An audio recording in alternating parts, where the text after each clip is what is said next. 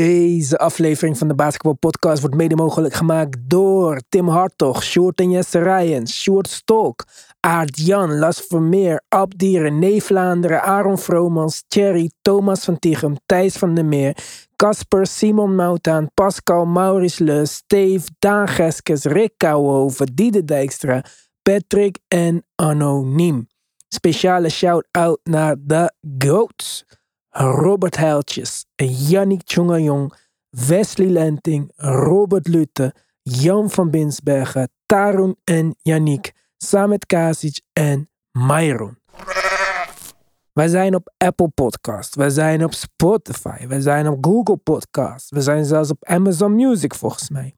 Maar waar we altijd zijn, is op petjeaf.com slash de basketbalpodcast.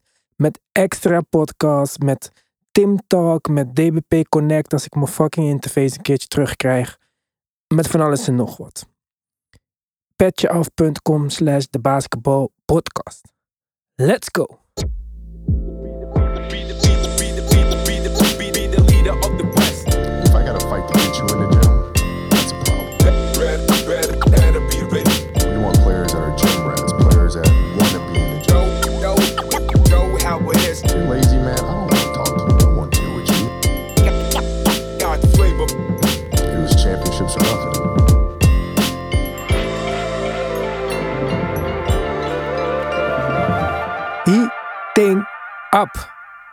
Niet de noedels die ik net heb gegeten, want die waren vers, natuurlijk. Ook niet de aarde. Geen climate change ontkennen ze hier. Dat is weer een andere podcast, denk ik. Jammer genoeg ook niet de Miami Heat. Maar het kwam gewoon in me op, random, bij een paar dingen die vandaag mijn gedachten bezig hielden. Of eigenlijk de afgelopen dagen. En normaal gezien bedenken we natuurlijk titels altijd achteraf. Aangezien we geen flauw idee hebben waar de meeste podcasts over zullen gaan. Maar vandaag doen we het gewoon ehm achterstevoren. Benjamin Buttons up in deze bitch. ja toch. Ik noemde al de heat. Dat was een eh, heel mooi bruggetje geweest. Als ze wat beter waren. Maar eh, 6-4 in je laatste 10 wedstrijden. Kan je hooguit uh, lauw noemen. En niet als in lauw kill. Maar gewoon lauw van de dikke vandalen lauw. Ja. Maar ik heb toch een eh heatbruggetje bedacht. Want Victor Oladipo is heating up. Absoluut. Die beweegt eh, als eh, sinds een hele lange tijd eh, we hem niet meer hebben zien doen. En scoort ook weer zijn punten. En ehm, ja, ik heb hem vandaag ook weer zitten te bekijken. Dat ziet er absoluut uit richting flesjes zoals we Oladipo kennen uit zijn prime. En dat is echt alweer heel lang geleden. Dus dat zijn wel bemoedigende signalen voor, eh, zeker voor de heat ook. Want ze kunnen het heel goed gebruiken momenteel. Ja, zelfs als hij een beetje 75% van zijn prime is. Ja, Wat je zei, hij beweegt goed. Dat is heel belangrijk, aangezien hij ook een beetje moet kunnen verdedigen. Aangezien Laurie niet is geworden wat hij is geworden. Dus ze kunnen wel een perimeterstopper gebruiken daar zo. ja. Maar in januari 23 punten, 15 punten, 12 punten, 26 punten. Wedstrijdje 8 en 19 gisteren. Ja. Dat is toch niet slecht, zou ik zeggen. En precies op tijd. Jimmy draait ook lekker trouwens. Jimmy draait trouwens niet zomaar lekker. Jimmy draait echt lekker lekker. Want dit is zijn derde beste scoring season, derde beste steal season, derde beste rebound season met zijn highest shooting percentage of all time. Dus eh, ik heb nog wel hoop voor de Heat. Ik had verwacht dat ze wel hun rechtvaardige zesde plaats in het oosten zouden hebben ingenomen rond deze tijd. Daar moeten we nog even op wachten, want over heating up gesproken, jouw Indiana Pacers zijn hot as fuck. Ja. Dus ehm, dat is nog niet zo ver, maar ik denk met de juiste trade dat wij de Heat niet moeten uitschakelen. Moeten we eigenlijk nooit natuurlijk, heeft de geschiedenis ons geleerd. Maar nu ook nog zeker niet. Nee, dat is wel zo. Eh, ik zou ze inderdaad zeker niet het eh, predicaat eh, heating up willen geven. Want dat is alles behalve zo. Ik vind meer dat ze hun hoofd een beetje proberen boven water te houden momenteel. Voornamelijk door alle afwezigen. Want het is weer een drama de laatste tijd. Ja. Ehm, in de wedstrijd die wij vandaag zagen, misten ze ook weer een hele lijst aan starters of rotation spelers. Dus het was echt een beetje roeien met de riemen die ze hadden. Maar ja, we hebben het vaker gezegd, als er een team is die dat kan, dan, eh, dan is het de Miami Heat wat mij betreft. Dus ik ben het met je eens dat we zeker niet uh, ze te vroeg moeten afschrijven of moeten denken dat dit soort omstandigheden hun seizoen een beetje gaat drukken. Want nou ja, het is juist het team dat op die manier nog wel een weg weet te vinden om wat succes te boeken. En ja, dat deden ze bijvoorbeeld tegen, tegen de Thunder ook toch uiteindelijk toch wel weer. Dus ja, het is. maar ik ben met je eens dat ze wel een trade nodig hebben. Want we hebben vaker gezegd dat volgens mij de diepte in, van de Heat nou ja, niet het sterkste punt is, zeg maar. Ja, en ze hebben zo'n raar record, want ze zijn uh, boven 500. Maar als je kijkt naar hun win-losses, is het win-loss, win-loss, win-loss, win-loss. Dus ze gaan niet vooruit, ze gaan niet achteruit eigenlijk. Mhm. En soms is het ook steady does it. En helemaal als je kijkt naar de teams om hen heen. Kijk, de Pacers, oké, doen het dit jaar leuk. Maar nog niet laten zien dat ze dat kunnen volhouden. Knicks de Hawks, Bulls, Raptors.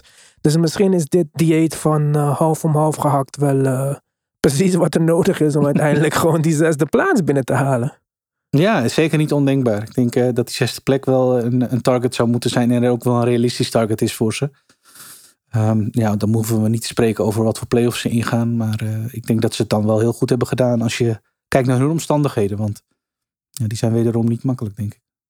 Ja, Mavs zouden uh, trade talks hebben met ja. de Heat over, Jim, over uh, hoe heet die guy? Tim Hardaway, Tim Hardaway Jr. Maar wat uh, moet er de andere kant op dan? Lowry? nee, ik las iets van Duncan Robinson. Mm. Ja. Um, waarom willen de Mavs zo graag van Tim Hardaway Jr. af? Elke ik denk speler... dat het een beetje ermee te maken heeft, is dat hij op zich weer available is en dat zijn contract een beetje drukt. Ja, maar dus elke speler voor wie ze willen treden is niet beter met ook een kutcontract. Nee, maar misschien wel met een aflopend contract. En wat je dan hmm. feitelijk doet met zo'n trade is dat je de twee seizoenen die Hardaway volgens mij nog te gaan heeft tegen, nou ja, moeten we met z'n allen wel bekennen, iets te veel geld. Die haal je uit je boeken. Want je krijgt dus nu een speler terug. Nou ja, laten we hopen dat dat een soort van balhandler is. We hebben bijvoorbeeld de rumor gehad over Caris LeVert. Dan zou je een balhandler terugkrijgen op een aflopend Je hebt toch wel, hoe heet die guy? Spencer Dinwiddie. Dat is toch een beetje dezelfde soort speler. Ja, ja, maar ze hebben er nog één nodig. Ze missen, hmm. dat weten we. Ze, hebben, ze, missen, ze missen een balhandler. Sowieso is dat te En ze hebben nu die rookie Jaden Hardy die, het, die dat aardig doet en, en moet opvangen. En daar gokken ze misschien ook wel een beetje op. Maar goed, waar het dan op gaat is dat, dat je met een Tim Hardaway Jr., als je die weet weg te treden. Eh, want dat is geen balhandler. Dat is toch echt meer een shooter. En die kunnen sommige teams heel goed gebruiken ja, voor de Mavs zou het betekenen dat ze een beetje lucht krijgen komende zomer uh, op de team payroll. Want daar, uh, ja, ja. contracten zoals die van hem of, of, of zoals die van Bertans, die drukken daar een beetje op natuurlijk. Ja, ik zie hier wel een paar mooie trades, maar daar wordt zo meteen nog over. Ik zou het leuk vinden als Tim Hardaway naar de Heat gaat. Want dat is natuurlijk de ploeg waar zijn vader ook uh, heeft gespeeld. Ja. En ja, zulke dingen vind ik altijd leuk. Ik denk dat daar echt onthaald zal worden als, ja, zijn prodigy of zo. Hij is daar opgegroeid, hè, op die vloer. Uh, met al die jongen, met al die spelers daar zo. Ja, zijn vader speelde natuurlijk uh, zeker dat deel van zijn carrière. Het uh, latere deel. speelde daar. En ik denk, nou ja, Tim Hardaway Jr. is, is ook gewoon een speler die er wat mij betreft prima past. Dus ik vind ook, ook de fit. Dan kun je natuurlijk van de shooter al gauw zeggen. Maar ik denk, ik denk oprecht dat hij wel, wel goed past in die ploeg. Ja. Denk ik ook. En uh, Jimmy Butler, zoals altijd, dus zoals ik zei, hoort als wat. En ik denk zolang hij goed is, uh, ja, zijn er gewoon moves om te maken. Het is jammer dat de Heat niet barsten van de picks of zo, weet je wel. Dat is mhm, zo'n situatie als de Pelicans hadden, dat je zegt van ja, je kan van alles en nog wat doen. Maar dan heb je gewoon een aantal mooie contracten om te treden. Inclusief Kyle Lowry, die mag weg van mij. Ik heb die Kyle Lowry naar uh, Minnesota trade voorbij zien komen voor D'Angelo Russell. Mm. Ja, dat weet ik niet. Ik denk wel dat op dit moment uh, het Kyle Lowry project wel uh, bestempeld mag worden als mislukt. Ja, ben ik met je eens. Dus dan denk ik zelf dat een aflopend contract van D'Angelo Russell een upgrade zou zijn. Ja, interessant. Zo had ik er nog niet aan gedacht. Ik denk dat ik dat wel met je eens ben. Dan uh, kun je dit seizoen nog kijken wat je meer uit... ja, D'Angelo Russell kan kan natuurlijk wel wat brengen. Maar als je die eh, komende zomer dan uit de boeken kan halen. Kyle Lowry verdient inderdaad wat mij betreft uh, gewoon echt te veel. Ja, en omgekeerd zou het ook misschien kunnen werken. Als Kyle Lowry een soort van 10% beter kan zijn. En hij kan zijn toughness en zijn mentality overbrengen op die Timberwolves spelers. Ja. Dan zou dat een soort van upgrade over Beverly zijn misschien. Ja. beter schietend in ieder geval, tenminste historisch gezien.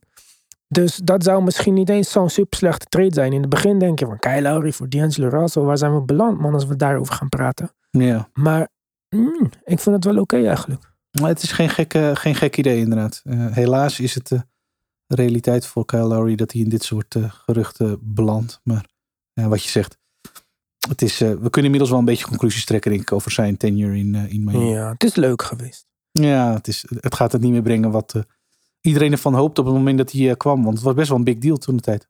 Ja. Maar goed, we gaan in de downward spiral qua mood. We hadden Ja. het over heating up. Ja. Nou, wie echt aan het heaten up zijn, zijn gewoon alle fucking scorers in de NBA. Want eh, ik weet niet wanneer hadden we die uitzending dat ik had uitgezocht van eh, hoeveel er werd gescoord en zo. Volgens mij was het vorige week, zelfs niet zo lang geleden in ieder geval. Was dat rondom eh, Donovan Mitchell's... eh, Ja, ja, ja, ja. Volgens mij ja. toen. En eh, sinds die tijd zijn er weer een aantal eh 20 punten per wedstrijd scores bijgekomen. We zitten nu op 55 spelers die meer dan 20 punten per wedstrijd averagen.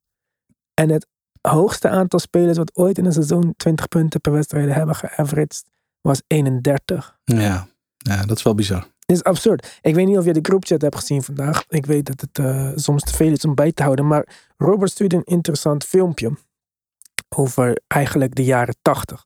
Wat een beetje bekend staat natuurlijk als dat eh, ja, soort van grit en grind in de hele NBA. Tough defense, je mocht slaan, eh, gekke dingen gebeurden. Spelers gingen dood aan cocaïne, la la la.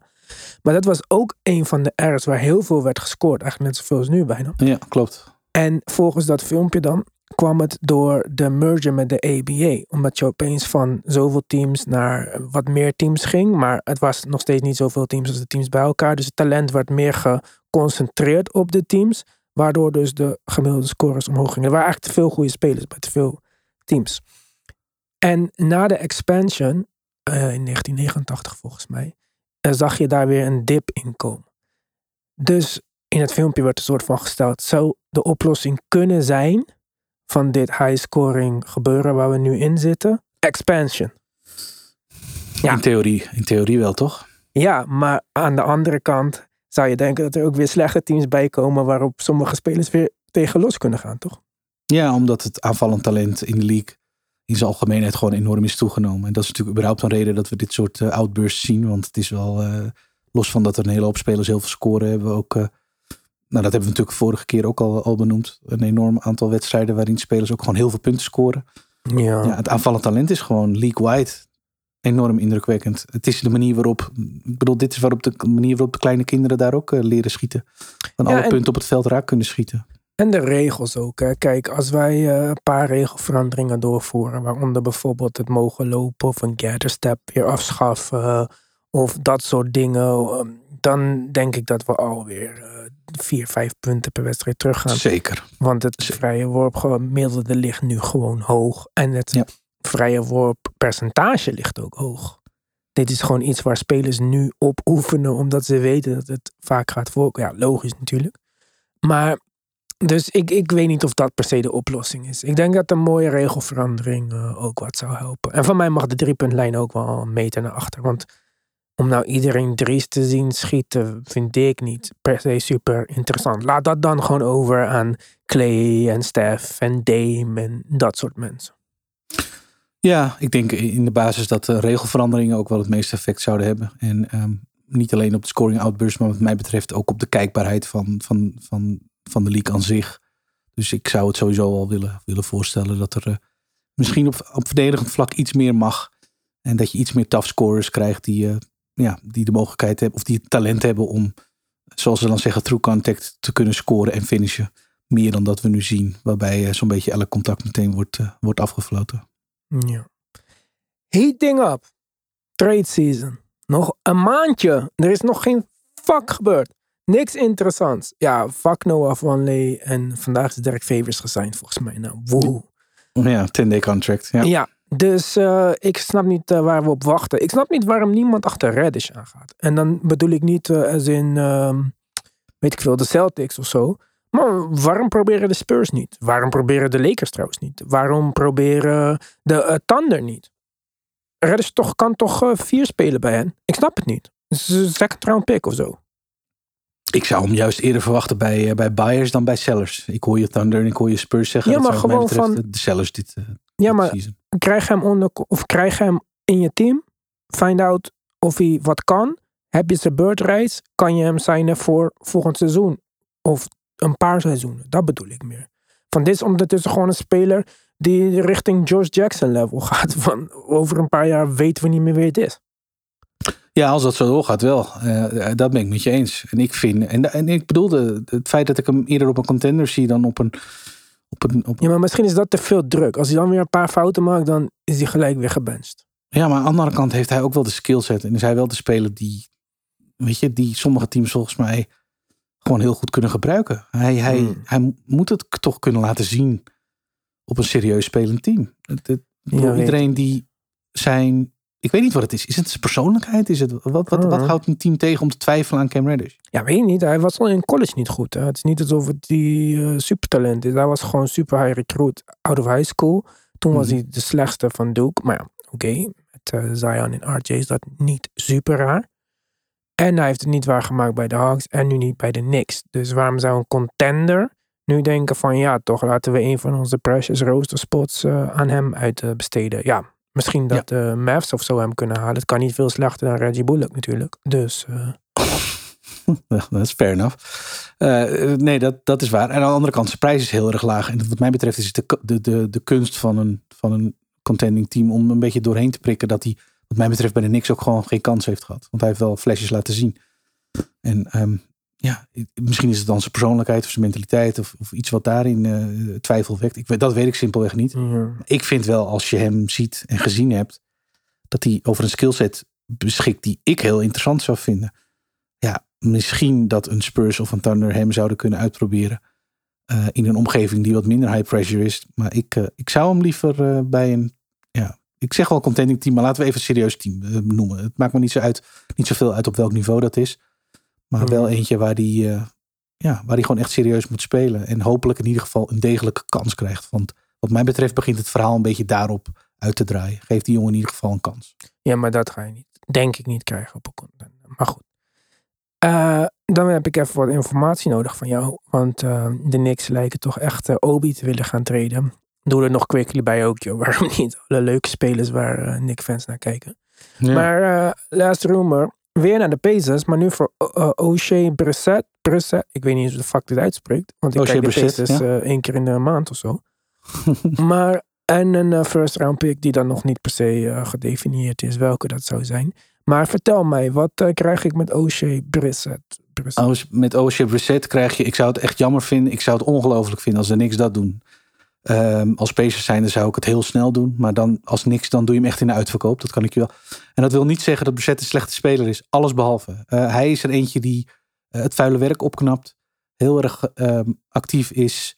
eh, her en der games heeft waarin hij best aardig van buiten schiet ook. Nou, als dat zo is, dan heb je echt een, echt een hele leuke speler aan hem. Ik ben erg van hem gecharmeerd. Hij is voor het tweede seizoen op rij bij de Pacers. In de eerste wedstrijden heeft hij nul minuten gespeeld van het seizoen. En hij heeft zich daarna in de rotatie gewerkt. Eh, en doet dat ehm, ja, toch altijd wel succesvol. Eh, hij geeft je, nou, laten we zeggen, gemiddeld een minuut of 15. eh, waarin hij heel hard werkt. Ehm, hij pakt de belangrijke rebounds. Hij maakt de, de, de, high effort defensive plays. En hij schiet zo nu en dan een open schot raak. En ja, dat is eigenlijk vooral wat hij, wat hij brengt. En in beperkte minuten is dat ja, heel welkom. In ieder geval bij de Pacers. Die, hij, hij wordt daar door teamgenoten en fans best wel gewaardeerd. Door Mm. het front office en door de club helaas wat minder, heb ik het idee. Want ze hebben met de hangen en wurgen zijn eh, team option eh, gelicht voor de komend jaar. Ze, hebben, ze konden hem verlengen, hebben ze niet gedaan.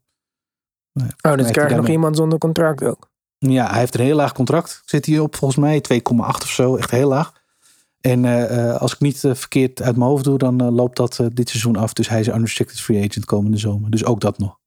Nou, Dus, ik zou het een hele rare move vinden. Waarbij je een talentvolle jonge jongen als Obi Toppin die nog... Hoe lang staat hij nog onder contract? Nog twee jaar of zo minimaal? Nee, ik denk één jaar hierna. Hierna nog een jaar. Ja, denk het. Ja, oké. Nee, dan haal je die in ieder geval nog voor een jaar langer binnen. Dan dat je een, jong- een, een, een nummer 9 op je rotatie.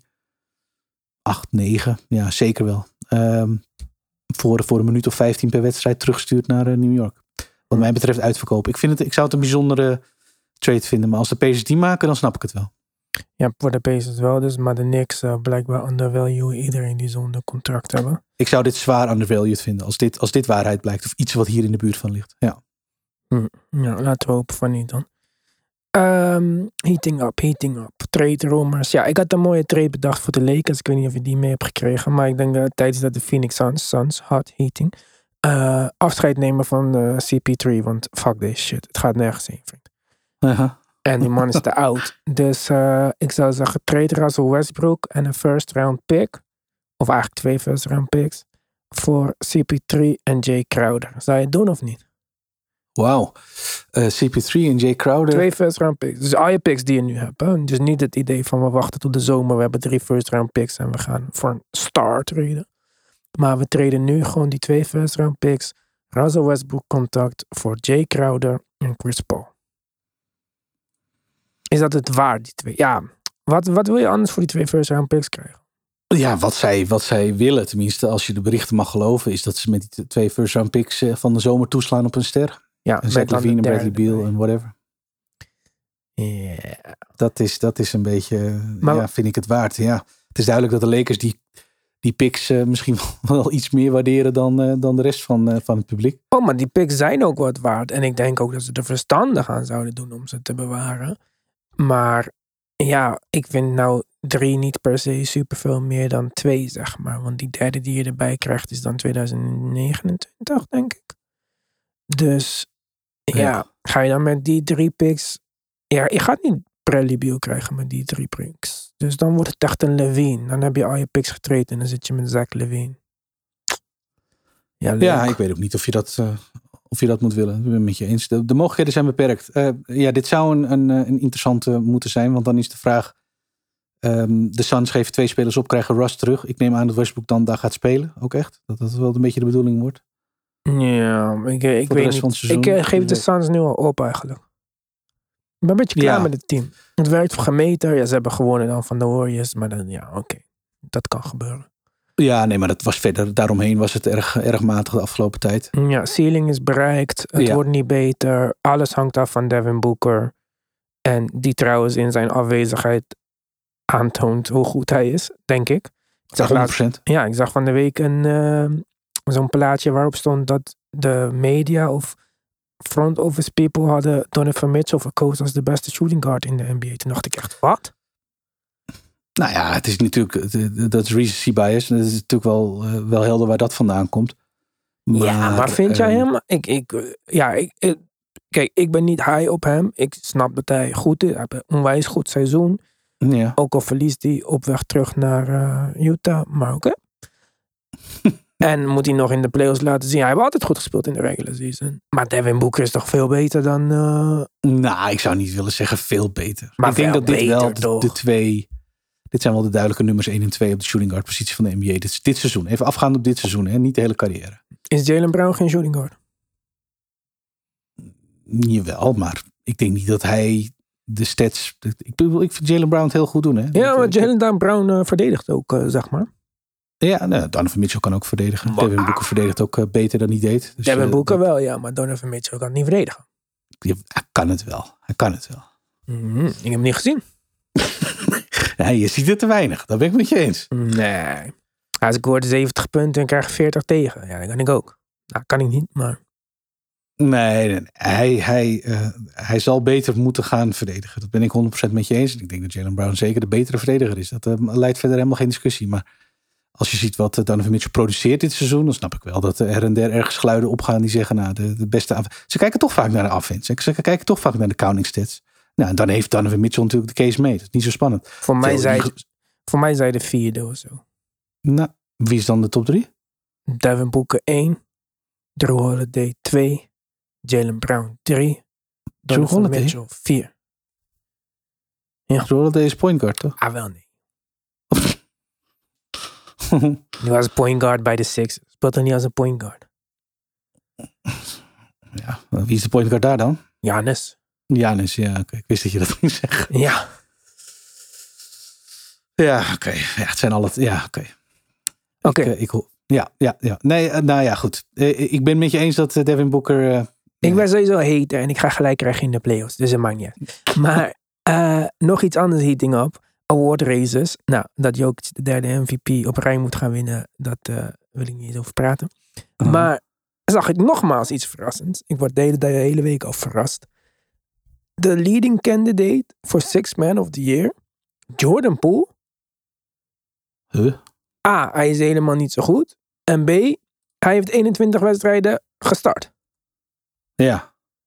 Dus dit vind ik helemaal niet, eh, niet, niet, niet kloppen. En dat ik nou, of all people, moet gaan advocaten voor de uitverkiezing van Russell Westbrook als Six Man of the Year. Daar had toch niemand, eh, dat zijn zelfs parlays die Wesley en eh Yannick en zo niet eh, durven nemen. ja, is, is Russ wat jou betreft Six Man of the Year? Ja, toch? Ja, zeker een van de, van de, de kanshebbers. Ik zit er heel hard te denken wie de anderen zouden moeten zijn. Games met 10 plus assists van de bands dit seizoen. Ja, Russell Westbrook 12, rest van de NBA komt bij 10. Kijk, als je iets voor Russell Westbrook gaat zeggen, moet je stats erbij halen natuurlijk. Want dan, eh, dan win je alles. ja, en ja, goed. Hij staat in pole position. En, eh, het is moeilijk om tegen hem eh, ehm, een case tegen hem te maken als, als Six Man of Year. Hij doet, hij doet het oprecht echt goed. Dat is, dat is absoluut waar. Wie is anders six man? Ik weet het niet. Ik vind eh, hem goed. Ja, nee, hij doet het ook. eh, Jordan Poole is geen six man, dus dat eh, kunnen we... Nee, als je zoveel start, wordt dat, wordt dat echt lastig om daar. eh, dat, dat, dat, zijn gewoon, dat zijn op een gegeven moment ook gewoon definities voor. Je kan niet een groot deel. en dit is natuurlijk wat ehm Christian moet op een gegeven moment ook had. Ook lang six van de bank gekomen. Inmiddels ook gewoon, gewoon aan het starten. En eh, ja, dan, eh, dan vervalt dat, dat verhaal gewoon. Dat, zo simpel is het. Dus, Ja. en, en van Russ weten we dat dit, deze, situatie, deze situatie zal niet zo snel veranderen, lijkt mij. Want dit is Dus zijn dat- kracht. Six man of the year, Russell Westbrook. Laatste heater, heating, heating up heater. Kijk, Luca is altijd een killer tegen de Clippers. Dat is echt zijn favoriete team om tegen te spelen volgens mij. Weer, wat had hij, 43 punten of zo? Ja. Alleen eh, had hij even pech. Dat Kawhi toch aardig hot begint te worden. 33 punten. Hij had 9 uit 12 field goals en 3 uit 5 en 3, 9 rebounds, 4 steals. Zag er goed uit. Eh, season highs in scoring, in rebounds. Ja. Heating up. Kawhi Leonard. Ja, maar ook in zijn geval eh, nog veel twijfels rondom de Clippers. Ja, wel twijfel, maar fuck de Clippers even. Kawhi Leonard is heating up. Absoluut, ja. Nee, maar dat, eh, we hebben dit eh, in, in, eerder in het seizoen in de game tegen, tegen Boston ook al gezien. Dat waren misschien de eerste flesjes van een, een Kawhi die, eh, ja, die er echt beter uit begon te zien. Ja, godzijdank. Ik bedoel, eh, hij krijgt het iedere keer voor elkaar om zoveel twijfel te zaaien bij, eh, bij een ieder die hem volgt en die hem eh, misschien ook wel lief, eh, eh, lief heeft. Dat, eh, ja, dat twijfels erg, ergens toeslaan en hij nu weer op het spoor eh, terug zit. Zoveel is wel duidelijk. Het heeft even mogen duren, maar eh, we zien Kawhi nu weer eh, 30 plus minuten per wedstrijd eh, ja, een beetje zichzelf worden. Ja. Begint een beetje te lijken op dat Toronto seizoen. Terug van blessures. ja. Ja. Ik denk dat we de Clippers, eh, ik weet niet hoe dat werkt met het gokken en zo, ga ik even aan die boys vragen.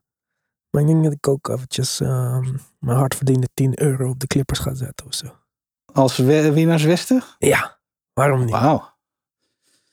Oké dan. Dus eh, Clippers tegen wie in de finals? Jokic natuurlijk.